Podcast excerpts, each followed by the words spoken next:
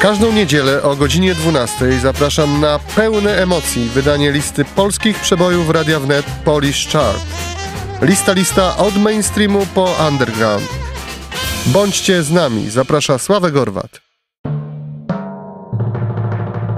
Program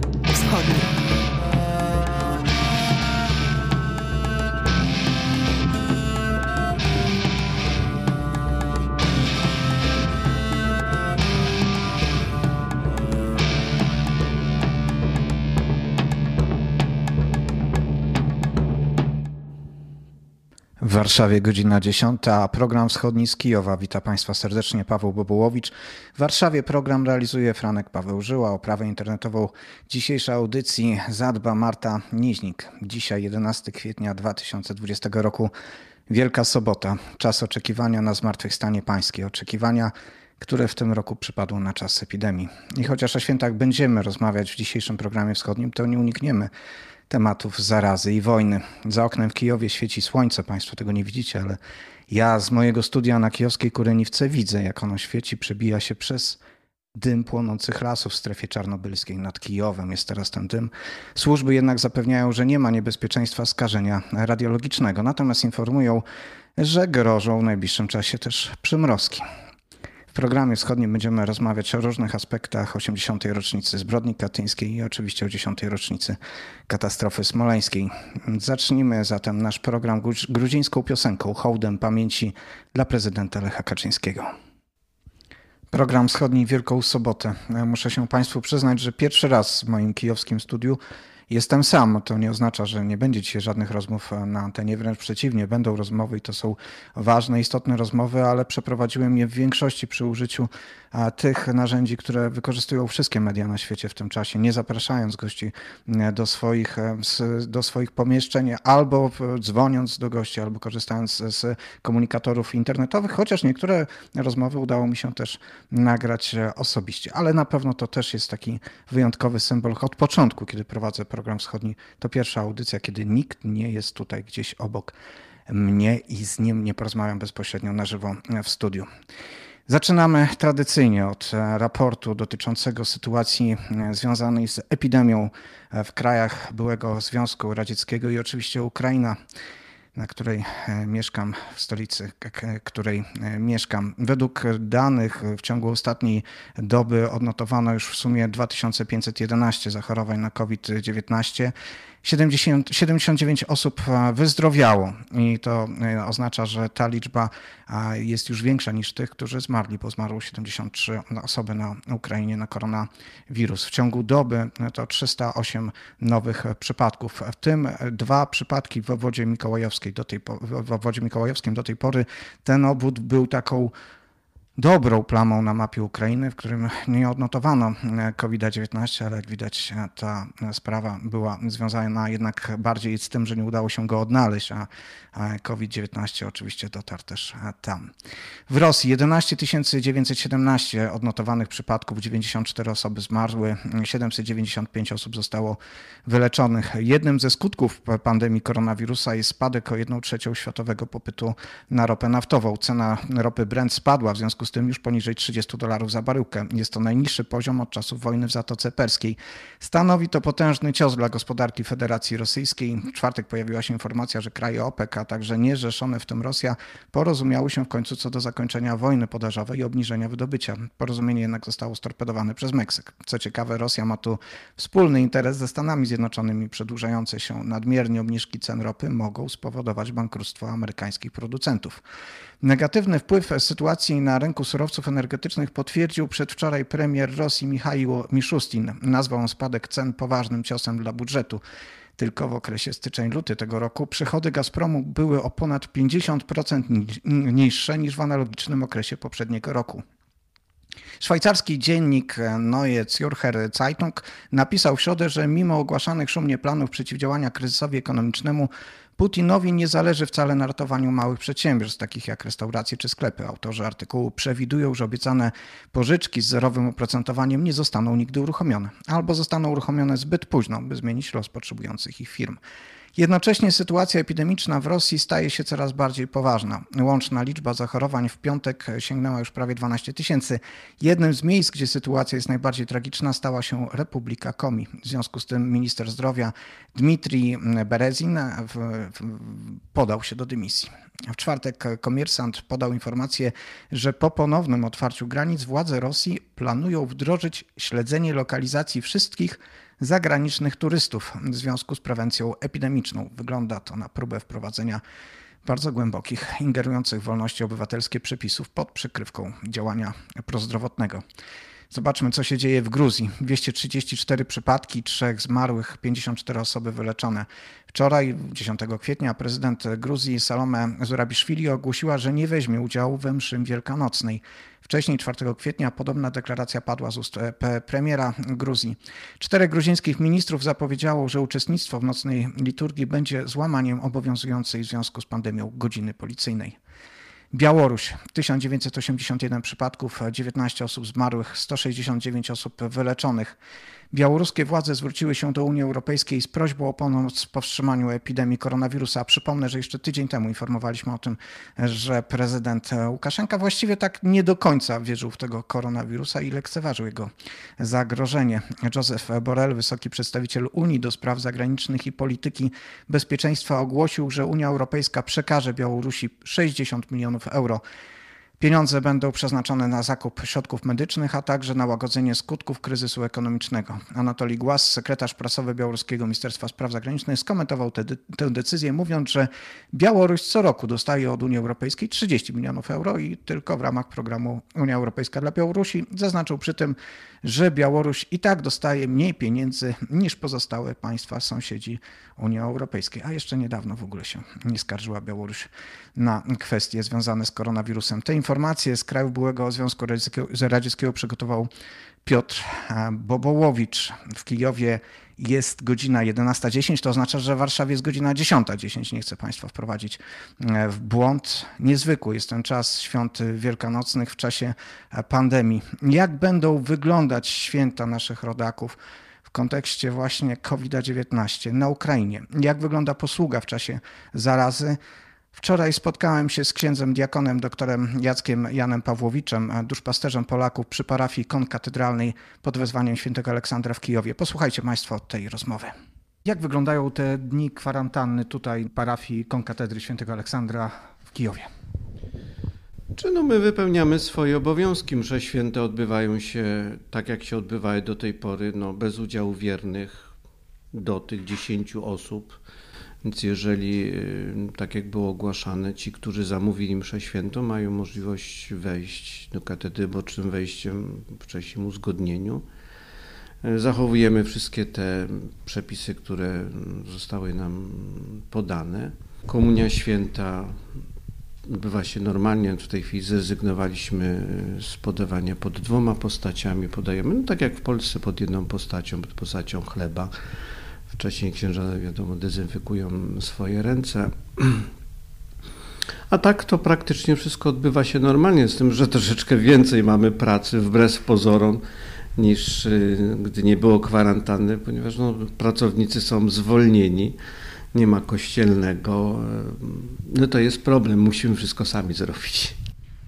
Kościół jest cały czas otwarty, czyli nawet e, jeżeli nie ma, e, nie ma mszy, e, to można wejść do świątyni, pomodlić się. Można wejść. Kościół jest otwierany codziennie od godziny 10 do 17. Konkatedra jest czynna. Msze święte, tak jak powiedziałem, no, odbywają się bez udziału wiernych. O 17 konkatedra jest zamykana i wtedy jest nabożeństwo gorzki żal, msza święta i droga krzyżowa w języku ukraińskim. A nasza msza święta o godzinie 9 jest normalnie odprawiana, jest transmitowana przez kanał e, YouTube'a, więc zawsze każdego dnia kilkanaście osób w niej uczestniczy przez e, łącza e, wideo. I tak samo będzie teraz, jeżeli chodzi o dzień jutrzejszy, o 9 będzie Droga Krzyżowa w języku polskim też transmitowana, w sobotę o 9 Gorzkie Żale po polsku, E, pozostałe, e, pozostałe tridum, pozostałe nabożeństwa tridum, no to są odprawiane w języku ukraińskim, no nie ma możliwości odprawienia w języku polskim, ale w niedzielę Zmartwychwstania Pańskiego o godzinie 7 będzie transmitowana też właśnie przez YouTube'a. Msza Święta Rezurekcyjna, oczywiście będzie ona się odbywała troszeczkę inaczej, nie będzie procesji rezurekcyjnej, ale przed mszą świętą będą, będzie wystawiony Najświętszy Sakrament, będą te odmówione modlitwy jak zawsze przed procesją i na zakończenie tej krótkiej adoracji y, z księdzem Michałem wyjdziemy przed konkatedrę, przez główne drzwi i wtedy na cztery strony świata będzie udzielone błogosławieństwo dla Kijowa, dla całej Ukrainy i później normalnie msza święta wielkanocna. Wielka Sobota, poświęcenie pokarmów w tym roku też będzie inaczej wyglądać. Inaczej będzie wyglądało. Niestety nie będzie tej możliwości, ale ja mówię, że troszeczkę wracamy do pierwszych wieków chrześcijaństwa, kiedy to właśnie ojciec rodziny, y, nie zapominajmy, że rodzina jest domowym kościołem i ojciec, matka y, są tymi kapłanami tego domowego kościoła i tak samo będzie w tym roku. Y, to ojciec rodzina lub inna osoba godna, jeżeli nie ma ojca, może są sytuacje, może odmówić to błogosławieństwo nad stołem wielkanocnym, podzielić się jajkiem. No do kościołów niestety pokarmów w tym roku, jak ja to mówię, święconką w kościołach nie zapachnie. Ksiądz zajmuje się duszpasterstwem Polaków tutaj w Kijowie. Czy nasi rodacy w tym czasie zgłaszają jakieś specjalne potrzeby? Czy jest coś e, innego w tym czasie? Czy wymagają jakiejś dodatkowej pomocy? Jeżeli jest taka potrzeba, na przykład wyjazdu do chorych, no to oczywiście jedziemy przy zachowaniu wszystkich tych środków ostrożności. A tak duszpasterstwo cały czas działa. Mamy kilka kanałów komunikacji. Jest strona duszpasterstwa Polaków internowa, na której są podawane wszystkie informacje, są podane obrzędy, jak spędzić ten czas właśnie w domach. Także od tej strony duchowej jest profil na Facebooku, tak jak mówiłem, jest kanał na YouTubie. W komunikatorze Viber mamy założoną specjalną grupę Duszpasterstwo Polaków, no, którą też są rozsyłane wszelkie informacje i jeżeli jakieś są pytania, to wtedy odpowiadam. Czego powinniśmy sobie w takim razie w tym czasie życzyć specjalnie? Na pewno radości, pomimo wszystko. Dlatego, że święta Wielkanoce są świętami radości. E, ja jak napisałem w życzeniach właśnie, które rozsyłam w tej chwili, życzę, aby y, jak najszybciej spełniły się słowa świętego Pawła, który mówi, e, gdzie jest o śmierci Twój osień, gdzie jest Twoje zwycięstwo. E, niewątpliwie ta sytuacja, w której się znajdujemy, cała ta pandemia, no niesie ze sobą śmierć, niesie niepokój, niesie czasami do niektórych serca niektórych ludzi wnosi jakąś taką beznadzieję. A święta paschalne są świętami radości, są świętami nadziei i dlatego właśnie tej nadziei, tej radości, tego pokoju. Nie zapominajmy, że Chrystus zmartwychwstając, przychodząc do apostołów, pierwszy dar, jaki przynosi apostołom, to jest dar pokoju. Gdy wchodzi do nich, pomimo drzwi zamkniętych, mówi pokój wam. Myślę, że tego pokoju nam bardzo potrzeba w tym trudnym czasie, nie tylko w obecnej sytuacji, w której znajduje się także Ukraina, bo nie zapominajmy, że tam na Donbasie cały czas walki trwają. Myśmy jakoś to, nam gdzieś to unika, e, ale także właśnie tego pokoju w naszych rodzinach, w naszych sercach. Byśmy nie ulegali panice. Z drugiej strony ja e, mówię tak, że być może ta sytuacja, ta pandemia była w jakiś sposób potrzebna. Może to jest szokujące ale proszę zwrócić uwagę, ile w tej sytuacji rodzi się pokładów dobra, ludzkiej życzliwości, pomocy. E, ludzie, jak tylko mogą, starają sobie pomagać. Więc życzę, aby właśnie to w nas trwało, aby epidemia kiedyś się skończy, wirus kiedyś wygaśnie, ale aby to w nas zostało. Właśnie ta ludzka życzliwość, ten wzajemny szacunek dla siebie, abyśmy, jak się teraz mówi, nie skakali sobie do gardeł z byle powodu.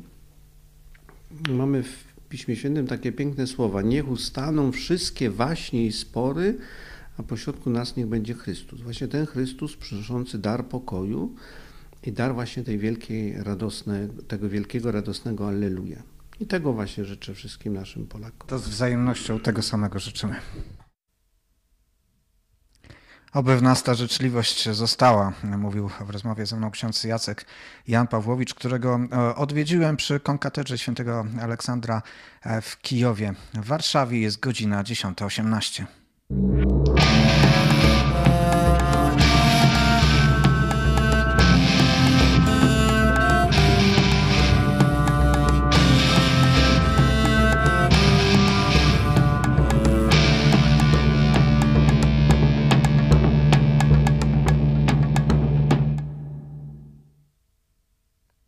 program wschodni z Kijowa. Gdy rzymscy katolicy będą świętować zmartwychwstanie, Kościół prawosławny na Ukrainie rozpocznie dopiero Wielki Tydzień. Jutro będzie werbna nedilia, czyli wierzbowa niedziela, tak się tu nazywa, niedzielę palmową.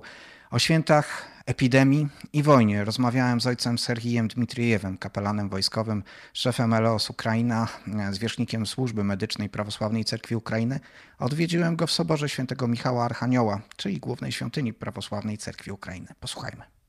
Niedawno ojciec był na froncie. Bardzo często w tej całej przestrzeni informacyjnej, gdy rozmawiamy o tym, co się dzieje, zapominamy po prostu o tym, że to nie tylko epidemia, ale to epidemia w czasie frontu. Jak wygląda sytuacja? Но э, я приехал, когда э, карантин только начинался, и э, soldaty, oni żyją w zakrytym soobществе. Przyjechałem, kiedy kwarantanna się tylko zaczynała. Żołnierze żyją w zamkniętej społeczności, zamkniętej także na media, informacje od ludzi. Dla nich to trochę inny świat. To, że jeszcze coś się dzieje na Ukrainie i że jest jakiś wirus, dla nich najważniejszym jest obrona granic, wojna. W tym miejscu, gdzie jest zlokalizowana nasza brygada, to rejon Złotego, Popasnej, gdzie jest punkt przepustkowy, Pierwszego dnia, jak tylko przyjechałem, był jeden ranny. Strzelali snajperzy, ciągłe walki, ostrzały moździerzowe. Sytuacja bardzo niebezpieczna. Na drugi dzień była, podeszli w pole salomu. российские боевики подошли на 200 метров к нашей позиции, потому что из-за когда огонь горит в поле, тепловизор nie widzi. Drugiego dnia w polu podpalili słomę. Rosyjscy bojownicy podeszli na odległość 200 metrów do naszych pozycji, ponieważ gdy płonie ogień w polu, to przez termowizjer nie widać człowieka. I była silna walka, ze stratami z obu stron. O tym pisały różne media. Dlatego dla nich większe niebezpieczeństwo to wróg. Stale walczą, stale strzelają. Do kwarantanny w tamtym momencie odnosili się z humorem. Chociaż byłem tą osobą, która przywiozła antyseptyki, termometry, przywiozłem lekarzy, ponieważ teraz można powiedzieć, że są to jeszcze takie dodatkowe, obciążające okoliczności dla wojskowych, jakakolwiek kwarantanna. Chociaż w regulaminach to wszystko jest opisane. Oni przestrzegają zasad bezpieczeństwa, z nikim się nie kontaktują. Wojna idzie swoim torem. Nie Ну, как бы война идет своим чередом. Jak zaczynaliśmy nasze spotkanie, to od razu powiedział ojciec, że przyjechali ranni z Donbasu, przyjechali do Kijowa. To jest też tam taki jeden z dowodów, że ta wojna cały czas się toczy i ona, że właściwie nie jest zamknięta tylko do Donbasu. Ci żołnierze przyjeżdżają też tutaj i ta liczba w ostatnim czasie, ona wzrasta. К сожалению, из-за sytuacja z koronawirusem, z politycznymi событиями w Ukrainie. Niestety w sytuacji z koronawirusem, sytuacją polityczną w kraju, środki masowej informacji są na tyle przeciążone nową i nową informacją, wciąż nowymi wiadomościami, że informacje z frontu odchodzą na drugi plan тот, тех, кто следят за новостями с войны, мы видим, что 17, 12, 10 человек. Ci, którzy śledzą wiadomości z wojny, wiedzą, że 17, 12, 10 osób bywa rannych. Niedawno przyleciał samolot z 17 rannymi żołnierzami. Trzeba ich było rozlokować po całym Kijowie. W warunkach kwarantanny żołnierze, którzy przyjeżdżają do Kijowa, wpadają jeszcze w drugie niebezpieczeństwo możliwość zarażenia się koronawirusem. Też dlatego, że szpitale wojskowe nie do końca są przygotowane do udzielenia pomocy w czasie epidemii koronawirusa. A musimy zrozumieć, że człowiek, który odniósł rany jeszcze w sytuacji ochrony przed koronawirusem, to już podwójne niebezpieczeństwo i bardzo duże obciążenie dla lekarzy. I wojna schodzi na drugi plan. A faktycznie wojenne działania narastają i według mnie realnie przypominają 15-16 rok. I вот война сейчас отходит на второй план, а военные действия, я бы сказал, ну, с моего наблюдения, они ужесточились вошли в такую, ну, для меня, судя по потерям и по тем боям, которые есть, для меня это ну, реально 15-16 год. Przypomniał mi Facebook, że dwa lata temu byliśmy razem na froncie w czasie Wielkiej Nocy. Rok temu też byliśmy razem na, na froncie. Mogłem obserwować bezpośrednio, jak wygląda posługa kapelańska ojca i jak ojciec funkcjonuje z żołnierzami. W te najcięższe chwile, czy świąteczne też chwile, ale najcięższe ojciec spędzał na tych zerowych pozycjach, najbliżej na, na, na froncie. W tym roku chyba nie będę towarzyszyć, towarzyszyć ojcu, ale ojciec tam jedzie i będzie ojciec znowu z żołnierzami. No, jak wygląda teraz sytuacja? Bez polskiego dziennikarza sytuacja będzie nie tak niebezpieczna. Szkoda, że nie będziesz ze mną, że zwykle, że przyjeżdżasz razem ze mną, robisz reportaże i też już chłopaki pytali, czy będzie ten polski dziennikarz ze mną. Так как раньше праздновали, так и будем праздновать Пасху. Единственное, что будут ograniczone maksymalnie. Tak jak wcześniej, tak i teraz będziemy świętować Paschę. Będą maksymalnie ograniczone kontakty kapłana z wojskowymi. Modlitwę zawsze można odmówić z odległości 3 metrów. Przeczytać. Nie będzie рукопожатий, dystancja, причастие ограничено, передаваться будет nie będzie ściskania rąk, będzie zachowana odległość. Komunia będzie ograniczona i komunikant będzie przekazywany w opakowaniu na ręce dla tych, którzy będą chcieli przystąpić do komunii. Błogosławienie pokarmów będzie. Wszyscy na to czekają i to jest dla wszystkich ważne. W pewnym sensie wojskowi mają nawet teraz więcej szczęścia, jeśli chodzi o możliwość spotkania z kapłanem niż inni, niż ta część społeczeństwa, która przywykła chodzić do cerkwi. Wojskowi mogą liczyć na uwagę i kontakt z kapelanami, którzy pozostają w swoich jednostkach wojskowych, w zamkniętych społecznościach. Wojskowi będą mieć zatem święta, tak jak zazwyczaj. W swoich wojennych частях, a nie wместе z wojennymi i w zakrytym społeczeństwie. To jest u wojennych Pascha będzie tak, jak obычно. Rozmawiamy w Triduum Paschalnym według kalendarza zachodniego. Rozmowa będzie wyemitowana w Wielką Sobotę. Święta, święta wschodnie będą za tydzień dopiero. Ale czego ojciec by życzył naszym słuchaczom w tych dniach? Ну, во-первых, я хочу, чтобы мы все праздновали Пасху в один день, все христиане. Нам нужно праздновать Рождество в один день, и все... Я думаю, что я начинаю праздновать Пасху wместе z zapadnej cerkwią. Chciałbym, żebyśmy wszyscy świętowali Paschę w ten sam dzień. Wszyscy chrześcijanie. Boże Narodzenie też powinniśmy świętować tego samego dnia. Ja zaczynam świętować Paschę razem z Kościołem Zachodnim, rzymskokatolickim Kościołem. Dla mnie Pascha zaczyna się zawsze wcześniej, jak dla kapelana, bo wielu wojskowych to także rzymscy katolicy. U nas są żołnierze polskiego pochodzenia. Koło Nowogradu Wołyńskiego jest wioska Susły. Szkoła była, Общество Polonia, trzy kościoła, очень много римокатоликов у нас в бригаде. Для них этот праздник важный, для нас Пасха может начинаться раньше немножко. Что всем пожелать? Я хочу пожелать, чтобы мы... Tam do końca lat 40. rozmawiano w języku polskim. Była społeczność polska, trzy kościoły. W brygadzie jest wielu rzymskich katolików i dla nich to święto jest bardzo ważne. I dla nas Pascha może zaczynać się trochę wcześniej. Co chcę życzyć? Chcę życzyć, żebyśmy się nie zamykali. Ludzkość przeżywała wiele epidemii, kataklizmów, finansowych kryzysów. Ludzkość wyżyje. We wszystkich kryzysach my potrafimy się łączyć, wymyślać sposoby wzajemnej pomocy. Niech ci, którzy dzisiaj pozostają w domu, niech znajdą możliwość rozwoju, podwyższenia wiedzy. Niech przeczytają książkę, napiszą list do przyjaciół, będą więcej z rodziną, pomedytują i także niech się pomodlą za wszystkich. Mimo wszystko to jest dla nas też dobry czas próby. Ja думаю, что это хорошее, все равно для нас время, все равно хорошее время выпробования такое. Dużo dziękuję. Potrafimy się łączyć w takich ciężkich momentach, mówi ojciec Sergii Dmitriejew, kapelan wojskowy, zwierzchnik Służby Medycznej Prawosławnej Cerkwi Ukrainy, który za kilka dni znowu powraca na front. Tym razem, tak jak słyszeliście Państwo w materiale, niestety nie będę towarzyszyć ojcu i nie będę relacjonować tej sytuacji, jak ona tam wygląda, ale jak potrafimy się łączyć, to pamiętajmy też o tych, którzy walczą na wschodzie Ukrainy. Ojciec Sergii Dmitriew przypomniał, że przecież wśród ukraińskich żołnierzy jest wiele osób, tych, które pochodzą, mają, przyznają się do polskich korzeni, którzy świętują dzisiaj. Ojciec Sergii Dmitriew, pomimo tego, że jest kapelanem prawosławnym, jak jest na froncie, o nich nie zapomina. Nie zapominajmy też my. A przed następnym tematem posłuchajmy piosenki. o 80. rocznicy zbrodni katyńskiej, 10. rocznicy katastrofy smoleńskiej pamiętało wielu ukraińskich polityków i przedstawicieli władz państwowych. Dmytro Kuleba, minister spraw zagranicznych Ukrainy, na Twitterze napisał: Dziś wspólnie z Polską opłakujemy i pamiętamy prawdziwych przyjaciół Ukrainy. Wadem Prystajko, wicepremier Ukrainy do spraw integracji europejskiej i euroatlantyckiej, w rocznicę katastrofy smoleńskiej stwierdza: 10 lat minęło, ale kluczowe pytania dotyczące tej tragedii pozostają bez odpowiedzi. Prystajko nazywa katastrofę jeszcze jedną ciemną kartą w stosunkach polsko-rosyjskich. Wasyl Bodnar, wiceminister spraw zagranicznych Ukrainy, opublikował w tym tygodniu artykuł w historycznej prawdzie o e, rocznicy zbrodni katyńskiej katastrofy smoleńskiej. Rosyjska władza kontynuuje politykę morderców z Katynia, napisał wiceminister. Rozmawiałem z wiceministrem wczoraj i zaczęliśmy rozmowę od osobistych wspomnień ministra Bodnara, który w 2010 roku pracował jako dyplomata w Polsce. Posłuchajmy. To naprawdę był straszny dzień. E, byłem wtedy z dzieckiem e, gdzieś w przedszkolu, takie jakieś zajęcia byli i dostałem telefon od ambasady, że stała się ta tragedia.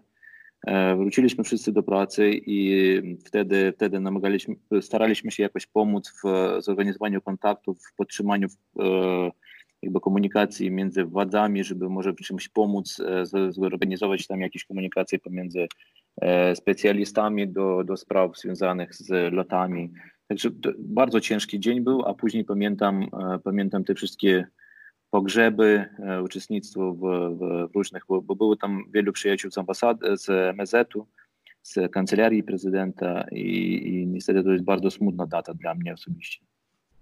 Pisze Pan w swoim artykule na Historycznej Prawdzie, że tam były osoby, z którymi Pan się umawiał na spotkanie, że to były osoby, z którymi planowaliście dalej mm, pracę w, tym, w tych przecież sprawach polsko-ukraińskich.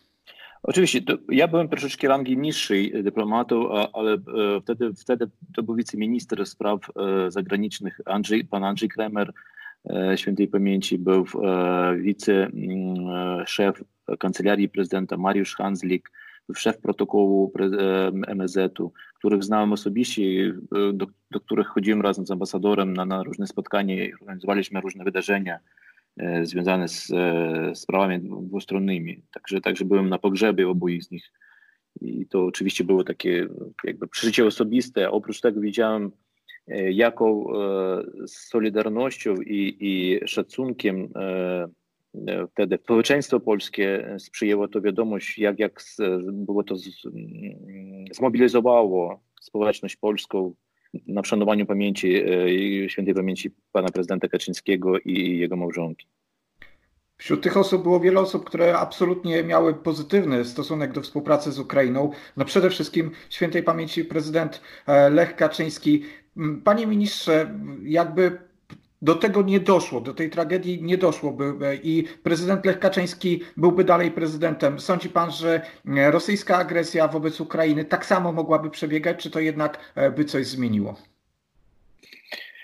Oczywiście trudno mówić, żeby coś zmieniła historia, stało się jak stało się, ale e, wierzę, że jeżeli by pan, świętej pamięci pan prezydent Kaczyński żył ten czas, to e, myśmy by współpracowali także dość ściśle i, i, mielibyśmy takie wsparcie, jak mamy także od Polski teraz w przeciwdziałaniu agresji rosyjskiej. Oczywiście e, mi się wydaje, że kontynuacja polityki e, wsparcia Ukrainy jest przedłużana przez władze obecne i, i to oczywiście jest kontynuacja polityki pana prezydenta Kaczyńskiego w jakimś stopniu. Moi przyjaciele na Ukrainie, zaraz po tych wydarzeniach pojechałem na Ukrainę, wielokrotnie mówili o tym, że oni nie wierzą w oficjalne wersje, nie wierzą w oficjalne wersje e, Federacji e, Rosyjskiej. Jak ta perspektywa wygląda właśnie ze strony ukraińskiej, tego przyjęcia tej narracji e, rosyjskiej? Oczywiście, że troszeczkę podejście do, te, do tej sytuacji zmieniło się z początkiem agresji rosyjskiej, ale wciąż jeszcze wtedy, w 2010 roku, e, słabo się wierzyło, że po prostu samolot z, wyszkolonym, e, z wyszkoloną ekipą i z, z e, jakby zrozumiałą techniką lądowania rozbił się po prostu nie doletając do, do, do lotniska.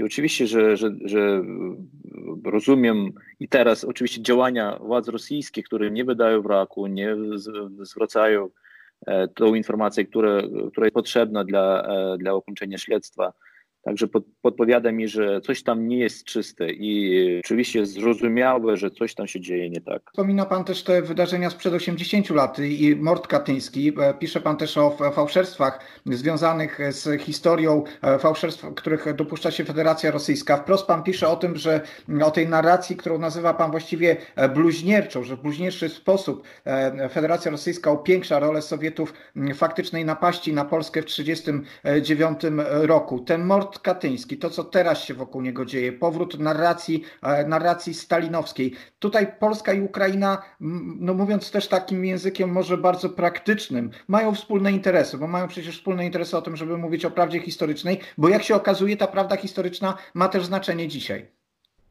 Oczywiście, że, że i nie tyle mamy wspólny interes, y, ile jesteśmy przed wspólnym zagrożeniem, ponieważ Ukraina jest pod agresją wojskową czy zbrojną rosyjską, a Polska jest pod agresją taką informacyjną czy, czy pseudoinformacyjną. I od tego się dzieje wiele rzeczy związanych z e, kreowaniem nowych, e, nowych stereotypów o e, historycznej przyszłości, a, a nie o historycznej prawdzie. E, także e, mi się wydaje, że tutaj możemy wspólnie działać i, to, i tutaj musimy Także zwracać uwagę do wszystkich państw e, Unii Europejskiej, w ogóle naszych sąsiadów, że e, działania Federacji Rosyjskiej prowadzą akurat do, do stworzenia fałszywych obrazów z historii i do e, zmniejszenia wagi Związku Radzieckiego w początku II wojny światowej. A to oczywiście bez tego by, by nie było żadnych, żadnych, mi się wydaje, mordów i, i Katyni nie byłoby i nie wykluczam, żeby nie było różnych tych strasznych rzeczy, których doświadczyła nasza cywilizacja e, w ciągu XX wieku. Czy Ukraina postrzega zbrodnię katyńską jako też własną traumę? Przypomnę, że wśród ofiar przecież byli Ukraińcy, Szymon Fedorońko, naczelny kapelan e, prawosławny Wojska Polskiego, inni e, oficerowie, zresztą nie tylko ci, którzy byli mordowani przecież na podstawie rozkazu katyńskiego, ale też ci, którzy byli mordowani po 1939 roku, a przecież Ukraińcy stanowili ponad 100 tysięcy mm, osób w polskiej armii, ale też e, dlatego, że przecież do, powinna dotykać ta zbrodnia Ukrainy przez sam fakt, że została w dużym dużej części dokonana też na tych ziemiach, które dzisiaj są i należą do współczesnej Ukrainy. Charków, e, oczywiście Bykownia i wiele też nieznanych miejsc, gdzie prawdopodobnie jeszcze są pochowani mm, polscy żołnierze 1939 roku, wśród których na pewno też byli Ukraińcy. Oczywiście I, i akurat w Bykowni jest miejsce, w Bykowni, w Charkowie, w innych miejscach to są miejsca represji stalinowskich, gdzie e, jak, jak przemysł był zabójstwa E, ludzi, ludzi zwykłych, e, ludzi z, z inteligencji wojskowych, w tym wojskowych e, oficerów polskich. Czyli to, to był taki nieludzki reżim, który zabija wszystkich, które tutaj miał i który był niezgodny z tym reżimem albo stanowił jakieś zagrożenie. I oczywiście mamy tutaj wspólny interes w tym, żeby najpierw to wyjaśnić doskonale, w jakich miejscach i upamięcić te miejsca. Drugie, żeby przeciwdziałać tej fałszywej narracji historycznej, która teraz e, z jakimś nowym napędem rozkręca się w Kremlu. E, I, i oczywiście, że, że pracować nad tym, żeby takie wydarzenia nigdy się nie powtórzyły i nad tym musimy, musimy wspólnie nagłaśniać przez te nieprzewidziane zjawiska, przez epidemię koronawirusa nie dojdzie do e, wizyty prezydenta e, Dudy, ale Ukraina będzie pamiętać e, o uczczeniu, o pamięci ofiar tej zbrodni w jakiś sposób specjalnie. Będą jakieś uroczystości z tym związane? Pan minister będzie brał udział w takich uroczystościach? Ja, jak najbardziej staramy się zrobić, żeby to było, ale te, teraz oczekuję na decyzję władz miejskich o, o, o przeprowadzeniu takich wydarzeń. I oczywiście jesteśmy w kontakcie z naszą, z polską ambasadą tutaj. Bardzo serdecznie dziękuję za rozmowę i pozdrawiam w tym ciężkim dziękuję. czasie. Dziękuję. Dziękuję i życzę zdrowia i wszystkiego najlepszego dla wszystkich nas. Dziękuję. Z wiceministrem spraw zagranicznych Ukrainy Wasynem Bodnarem rozmawiałem przez komunikator internetowy, chociaż pan minister cały czas jest w pracy. Minister, rozmawialiśmy o tym, że na uroczystości na Ukrainę nie przyjedzie prezydent Andrzej Duda, będą te uroczystości ograniczone. Ambasada Rzeczypospolitej w Kijowie informuje, że w 80. rocznicę sowieckiego ludobójstwa 13 kwietnia na polskim cmentarzu wojennym w Bykowni, cmentarzu w Piatychatkach odbędą się obchody Dnia Pamięci Ofiar Zbrodni Katyńskiej. Z powodu zagrożenia epidemicznego pierwotnie planowane uroczystości z udziałem władz państwa państwowych Polski, Ukrainy oraz rodzin katyńskich zostało ograniczone. Polscy dyplomaci z ambasady, ataszatu, Wydziału Konsularnego w Kijowie oraz Konsulatu Generalnego w Charkowie złożą wieńce, odmówią modlitwę w intencji pomordowanych i zapalą znicze. W Bykownie odczytane zostanie przesłanie prezydenta Rzeczypospolitej Polskiej Andrzeja Dudy. Ambasada zaprasza wszystkich, w szczególności bliskich ofiar zbrodni katyńskiej, do udziału w tych uroczystościach za pośrednictwem transmisji online. Szczegółowe informacje możecie Państwo znaleźć na stronach internetowych, profilach Facebooku oraz kontach na Twitterze Ambasady Rzeczypospolitej w Kijowie oraz Konsulatu Generalnego w Charkowie. Natomiast Wojtek Jankowski z Lwowa przesłał materiał Kuriera Galicyjskiego, polskiego dwutygodnika z Ukrainy, z którym współpracujemy, z którym współpracujemy symbolicznie o godzinie 9.41 czasu ukraińskiego, czyli o 8.41 czasu polskiego. Konsul generalna Rzeczypospolitej Polskiej w Lwowie Eliza Dzwonkiewicz wspólnie z polskimi dyplomatami złożyła biało-czerwony wieniec i zapaliła znicze przed banerem ze zdjęciami 96 ofiar katastrofy lotniczej pod Smoleńskiem. Plakat ze zdjęciami ofiar tragicznego lotu wystawiono przed budynkiem polskiego konsulatu. Konsul generalny Eliza Dzwonkiewicz wspólnie z konsulem Rafałem Kocotem i proboszczem katedry lwowskiej księdzem Janem Niklem złożyli również kwiaty i pomodlili się pod tablicą upamiętniającą ofiary zbrodni, ofiary zbrodni katyńskiej, znajdującą się w bocznym ołtarzu świątyni. Z konsul generalną Elizą Dzwonkiewicz rozmawiał Eugeniusz Sało z Kuriera Galicyjskiego. Pani konsul, przed chwilką właśnie zostały złożone wieńce giznicze przy konsulacie, przy tablicy ofiar katastrofy smoleńskiej. Było dla nas oczywiste, że musimy uczcić tę rocznicę, szczególnie, że jest to już dziesiąta rocznica. Te 10 lat minęło strasznie szybko. Mamy dzisiaj sytuację, w której nie możemy, tak jakbyśmy chcieli, bardzo mocno przypomnieć tych wszystkich osób, które poleciały w delegacji, żeby oddać hołd polskim oficerom zamordowanym w Katyniu. Czujemy ten związek i pamiętamy o nich i i parlamentarzyści e, na czele z prezydentem i jego małżonką polecieli 10 lat temu do Katynia, żeby oddać hołd tym żołnierzom pomordowanym. I to, co nas bardzo boli i chyba nikt z nas nie jest spokojny w tej sprawie, że nie udało się ostatecznie ustalić chyba tej przyczyny, co tam się stało. I czujemy niedosyt e, i mamy nadzieję, że e, jeszcze tak się jakoś wszystko ułoży, że poznamy prawdę, bo ta prawda jest szalenie szalenie istotna, jest y, bardzo ważna, ale oczywiście ten czas, który tak strasznie szybko upływa, no działa na niekorzyść i nie wiemy, czy to się uda kiedyś. My tutaj zgromadziliśmy się mimo trudnej sytuacji z pandemią, z ograniczeniami, z tym, że trzeba zachowywać się bezpiecznie i rozsądnie i odpowiedzialnie. No nie mogliśmy nie uczcić tej rocznicy. Chyba w jedyny możliwy dzisiaj sposób, y, po prostu symbolicznie ci, którzy uznali, że są gotowi wyjść, spotkać się tutaj, po prostu przyszli i pod tablicą z wizerunkami osób, które zginęły wtedy te 10 lat temu, te wieńce złożyliśmy.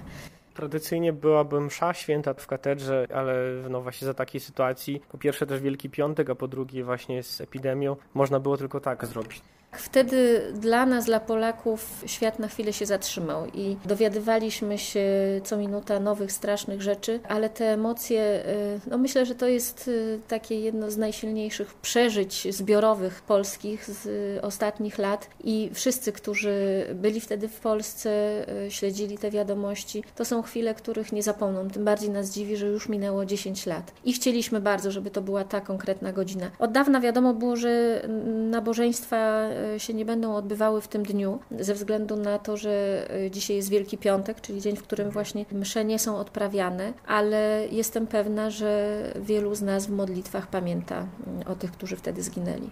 Dzisiaj również konsulowie złożył kwiaty w katedrze lwowskiej pod tablicą ofiar Katynia. Te dwie smutne rocznice nierozerwalnie łączą się ze sobą, dlatego że początek kwietnia, od 3 kwietnia rozpoczęły się transporty oficerów polskich wcześniej internowanych przez e, Sowietów e, do miejsca ich zagłady. W Katyniu były to doły wykopane w lesie, w dawnym uroczysku i tam mordowano naszych oficerów strzałem w tył głowy. Wcześniej mieli związane ręce, nie mieli żadnych szans szans, żeby się obronić. To były straszne czasy i ten miesiąc kwiecień, który tak paradoksalnie, kiedy rozpoczyna się e, wiosna, kiedy kwitną pąki na drzewach, e, liście kiełkują, a tam dokonywano tak strasznej zbrodni. Pamiętamy o tym i, e, i czcimy pamięć o tych naszych oficerach to może jeszcze właśnie życzenia wielkanocne dla Polaków ziemi lwowskiej, dla Polaków też poza granicami. W czasie trudnej Wielkanocy, bo przeżywamy troszkę inną Wielkanoc niż zazwyczaj i żyjemy troszkę w innej sytuacji niż zawsze.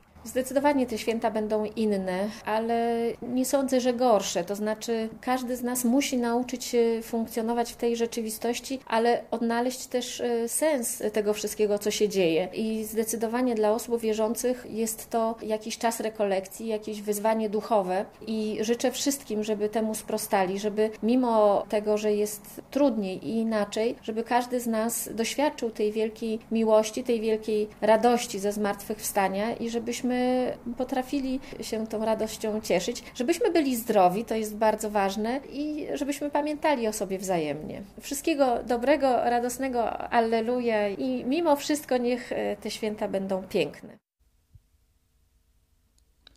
Z konsul generalną Elizą Dzwonkiewicz rozmawiał Eugeniusz Sało z Kuriera Galicyjskiego.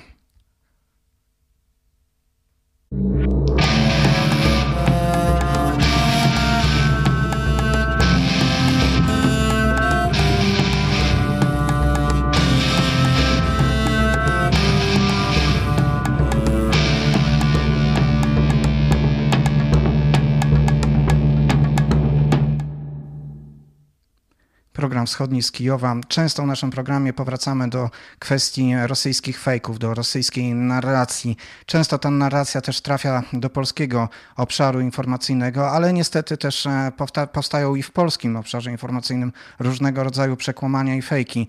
Adrian Kowarzyk przygotował materiał o chaosie informacyjnym związanym z katastrofą smoleńską. Posłuchajmy, warto sobie przypomnieć, jak to wtedy wyglądało chaos informacyjny, który przed dziesięcioma laty zapanował e, we wszystkich e, mediach. Niektóre informacje e, się wzajemnie wykluczały, inne mocno, jak się później okazało, odbiegały od rzeczywistości. Postaramy się prześledzić, prześledzić na ile się oczywiście tylko da te informacje. A informacja o katastrofie została przekazana ministrowi Radosławowi Sikorskiemu o godzinie 8.48 czasu polskiego, jednak w dniach od 10 do 28 kwietnia 2010 roku jako godzinę katastrofy katastrofy podawano godzinę 8.56 czasu polskiego, czyli 10.56 czasu moskiewskiego.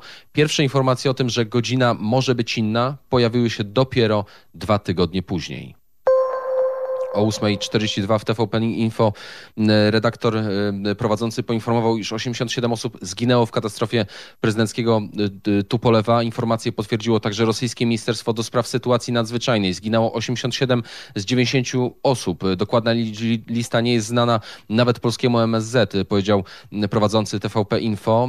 Tutaj jeden cytat, który uzyskaliśmy później. Sam Radosław Sikorski osobiście poinformował Macieja Łopińskiego, że trzy osoby przeżyły. Rzecznik rzecznik MSZ potwierdził tę informację. Podały ją także największe agencje. Potem została zdementowana. Ambasador Turowski w zeznaniach mówił, że te informacje przekazał ministrowi Sikorskiemu, a otrzymał ją od oficera Federalnej Służby Bezpieczeństwa, który był na miejscu. Prezydencki TU-154M, Tu-154M kilkakrotnie podchodził do lądowania. Według różnych źródeł trzy lub czterokrotnie. E, przez pierwsze dni po katastrofie informowano, że samolot cztery razy podchodził do lądowania, mimo że kontrolerzy nalegali, by odleciał na zapasowe lotnisko. W rzeczywistości samolot wykonywał jedno próbne podejście do lądowania, uzgodnione z wieżą i poprzez nią zalecone. Pojawiają się doniesienia, że Tu-154 wcześniej zahaczył o maszt. Stracił wtedy równowagę. Piloci nie zdążyli odpowiednio szybko zareagować i maszyna uderzyła o drzewa. Okazało się, że uderzenia w maszt nie było. Naciski na załogę. Kolejna fałszywa informacja. Prezydent Lech Kaczyński miał naciskać na załogę, by ta lądowała niezależnie od warunków. Pilot nie mógł podjąć sam decyzji o czterokrotnym podchodzeniu do lądowania w tak trudnych warunkach z takimi osobami na pokładzie. Tak pisał 10 kwietnia 2010 roku Roman, Roman Kuźniar, późniejszy doradca prezydenta Bronisława Komorowskiego do spraw międzynarodowych. W stenogramach z samolotu nie ma nawet śladu jakiejkolwiek ingerencji ze strony prezydenta w pracę załogi. Generał Błasik był do końca w kokpicie. Informacje, że generał Błasik był w kokpicie w ostatnich minutach lotu bez żadnych dowodów podał Edmund Klich 24 maja 2010 roku. Polski akredytowany, akredytowany przymak bronił tego kłamstwa również po obaleniu go przez krakowskich biegłych sądowych dzięki analizie nagrań. Głos przypisywany wcześniej generałowi należał do drugiego pilota, majora Roberta Grzywny. Również polska prokuratura wojskowa udowodniła, że generała nie było w ogóle w kokpicie samolotu. Jak nie wyląduje, to mnie zabije. To jest cytat. TVN24 stwierdza, że takie słowa kilkadziesiąt sekund przed katastrofą prezydenckiego Tu-154M pod Smoleńskiem miał wypowiedzieć kapitan Arkadiusz Protasiuk. Informacja pojawiła się na czerwonym pasku 14 lipca 2010 roku i powtórzono ją w faktach TVN. Jednak nie ma takich słów na żadnym ze stenogramów to patrzcie, jak lądują debeściaki. To jest cytat. Te słowa według Polski The Times e, miał powiedzieć pierwszy pilot Tu-154M, gdy dowiedział się o fatalnej pogodzie. Kapitan Arkadiusz Protasiuk w ogóle takich słów nie wypowiedział. Nie ma ich w stenogramie. Przekopywano z całą starannością ziemię na miejscu tego wypadku na głębokości ponad jednego metra i przesiewano ją w sposób szczególnie staranny. Każdy znaleziony skrawek został przebadany genetycznie. Pamiętamy to wystąpienie Ewy Kopacz, minister zdrowia w Sejmie 28 kwietnia 2010 roku. Po dwóch latach ówczesna marszałek Sejmu przyznała, że była to nieprawda. Wkurzy się, jeśli Trzy kropki. Ten rzekomy fragment rozmowy załogi Tu-154 według wydania Gazety Wyborczej z 12 stycznia 2011 roku miał być dowodem na presję, jakiej poddani byli piloci. Takich ani podobnych słów w ogóle nie ma w stenogramie. Podobnie ze słowami dzień dobry wypowiadanymi przez załogę, które miały świadczyć o przy, przywitaniu się osób postronnych w kokpicie samolotu. Takich słów w stenogramie nie ma. Pijany generał Błasik zmusił pilotów do lądowania. Opublikowanie raportu MAC było apogeum e, tego kłamstwa 12 stycznia 2011 roku.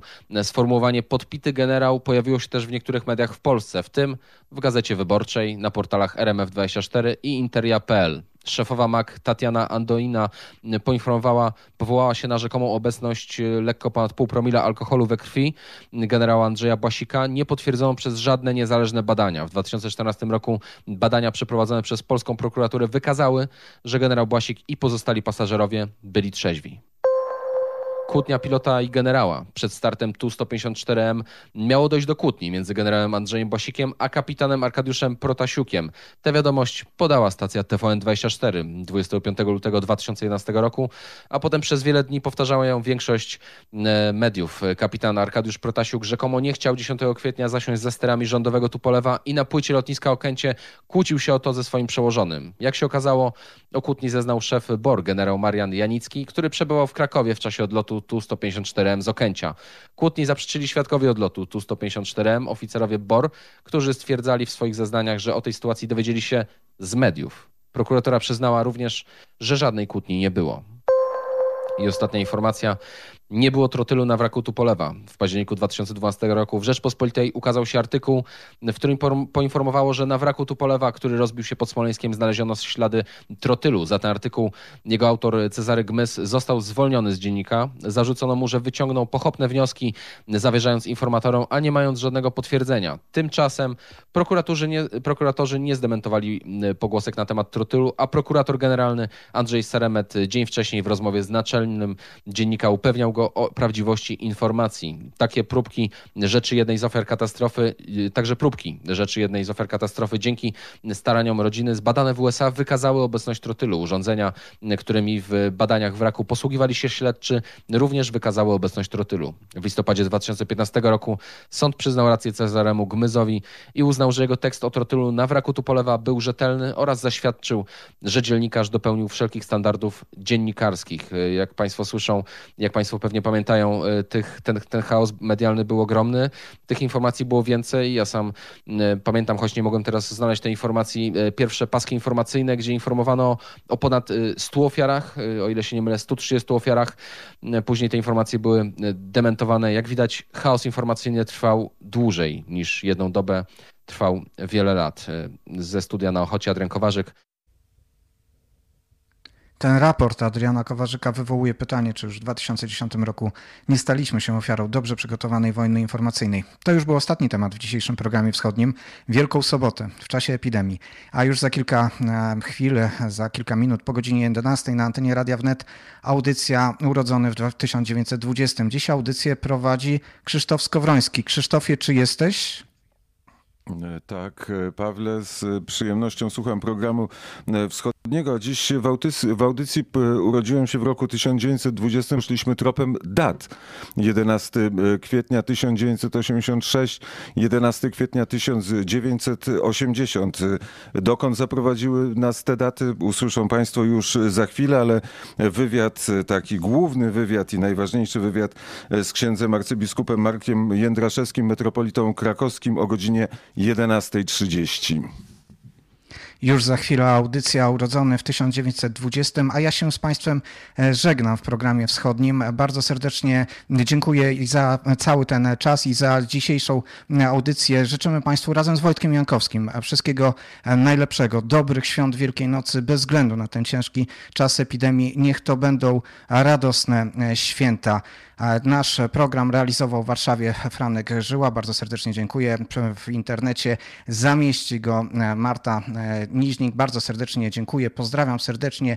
Zapraszam do słuchania programu wschodniego i korespondencji z Ukrainy. Uruchomiliśmy specjalny numer 507 247 289. Opowiedz nam o tym, co jest dla Ciebie ważne. Poleć innym słuchaczom książki, filmy i inne sposoby spędzania wolnego czasu w trakcie pandemii lub zadedykuj piosenkę dla swoich bliskich. Nie zapomnij o tym, aby podać swoje imię i nazwisko. Czekamy na Twój telefon. Koszt połączenia zależny od taryfy operatora.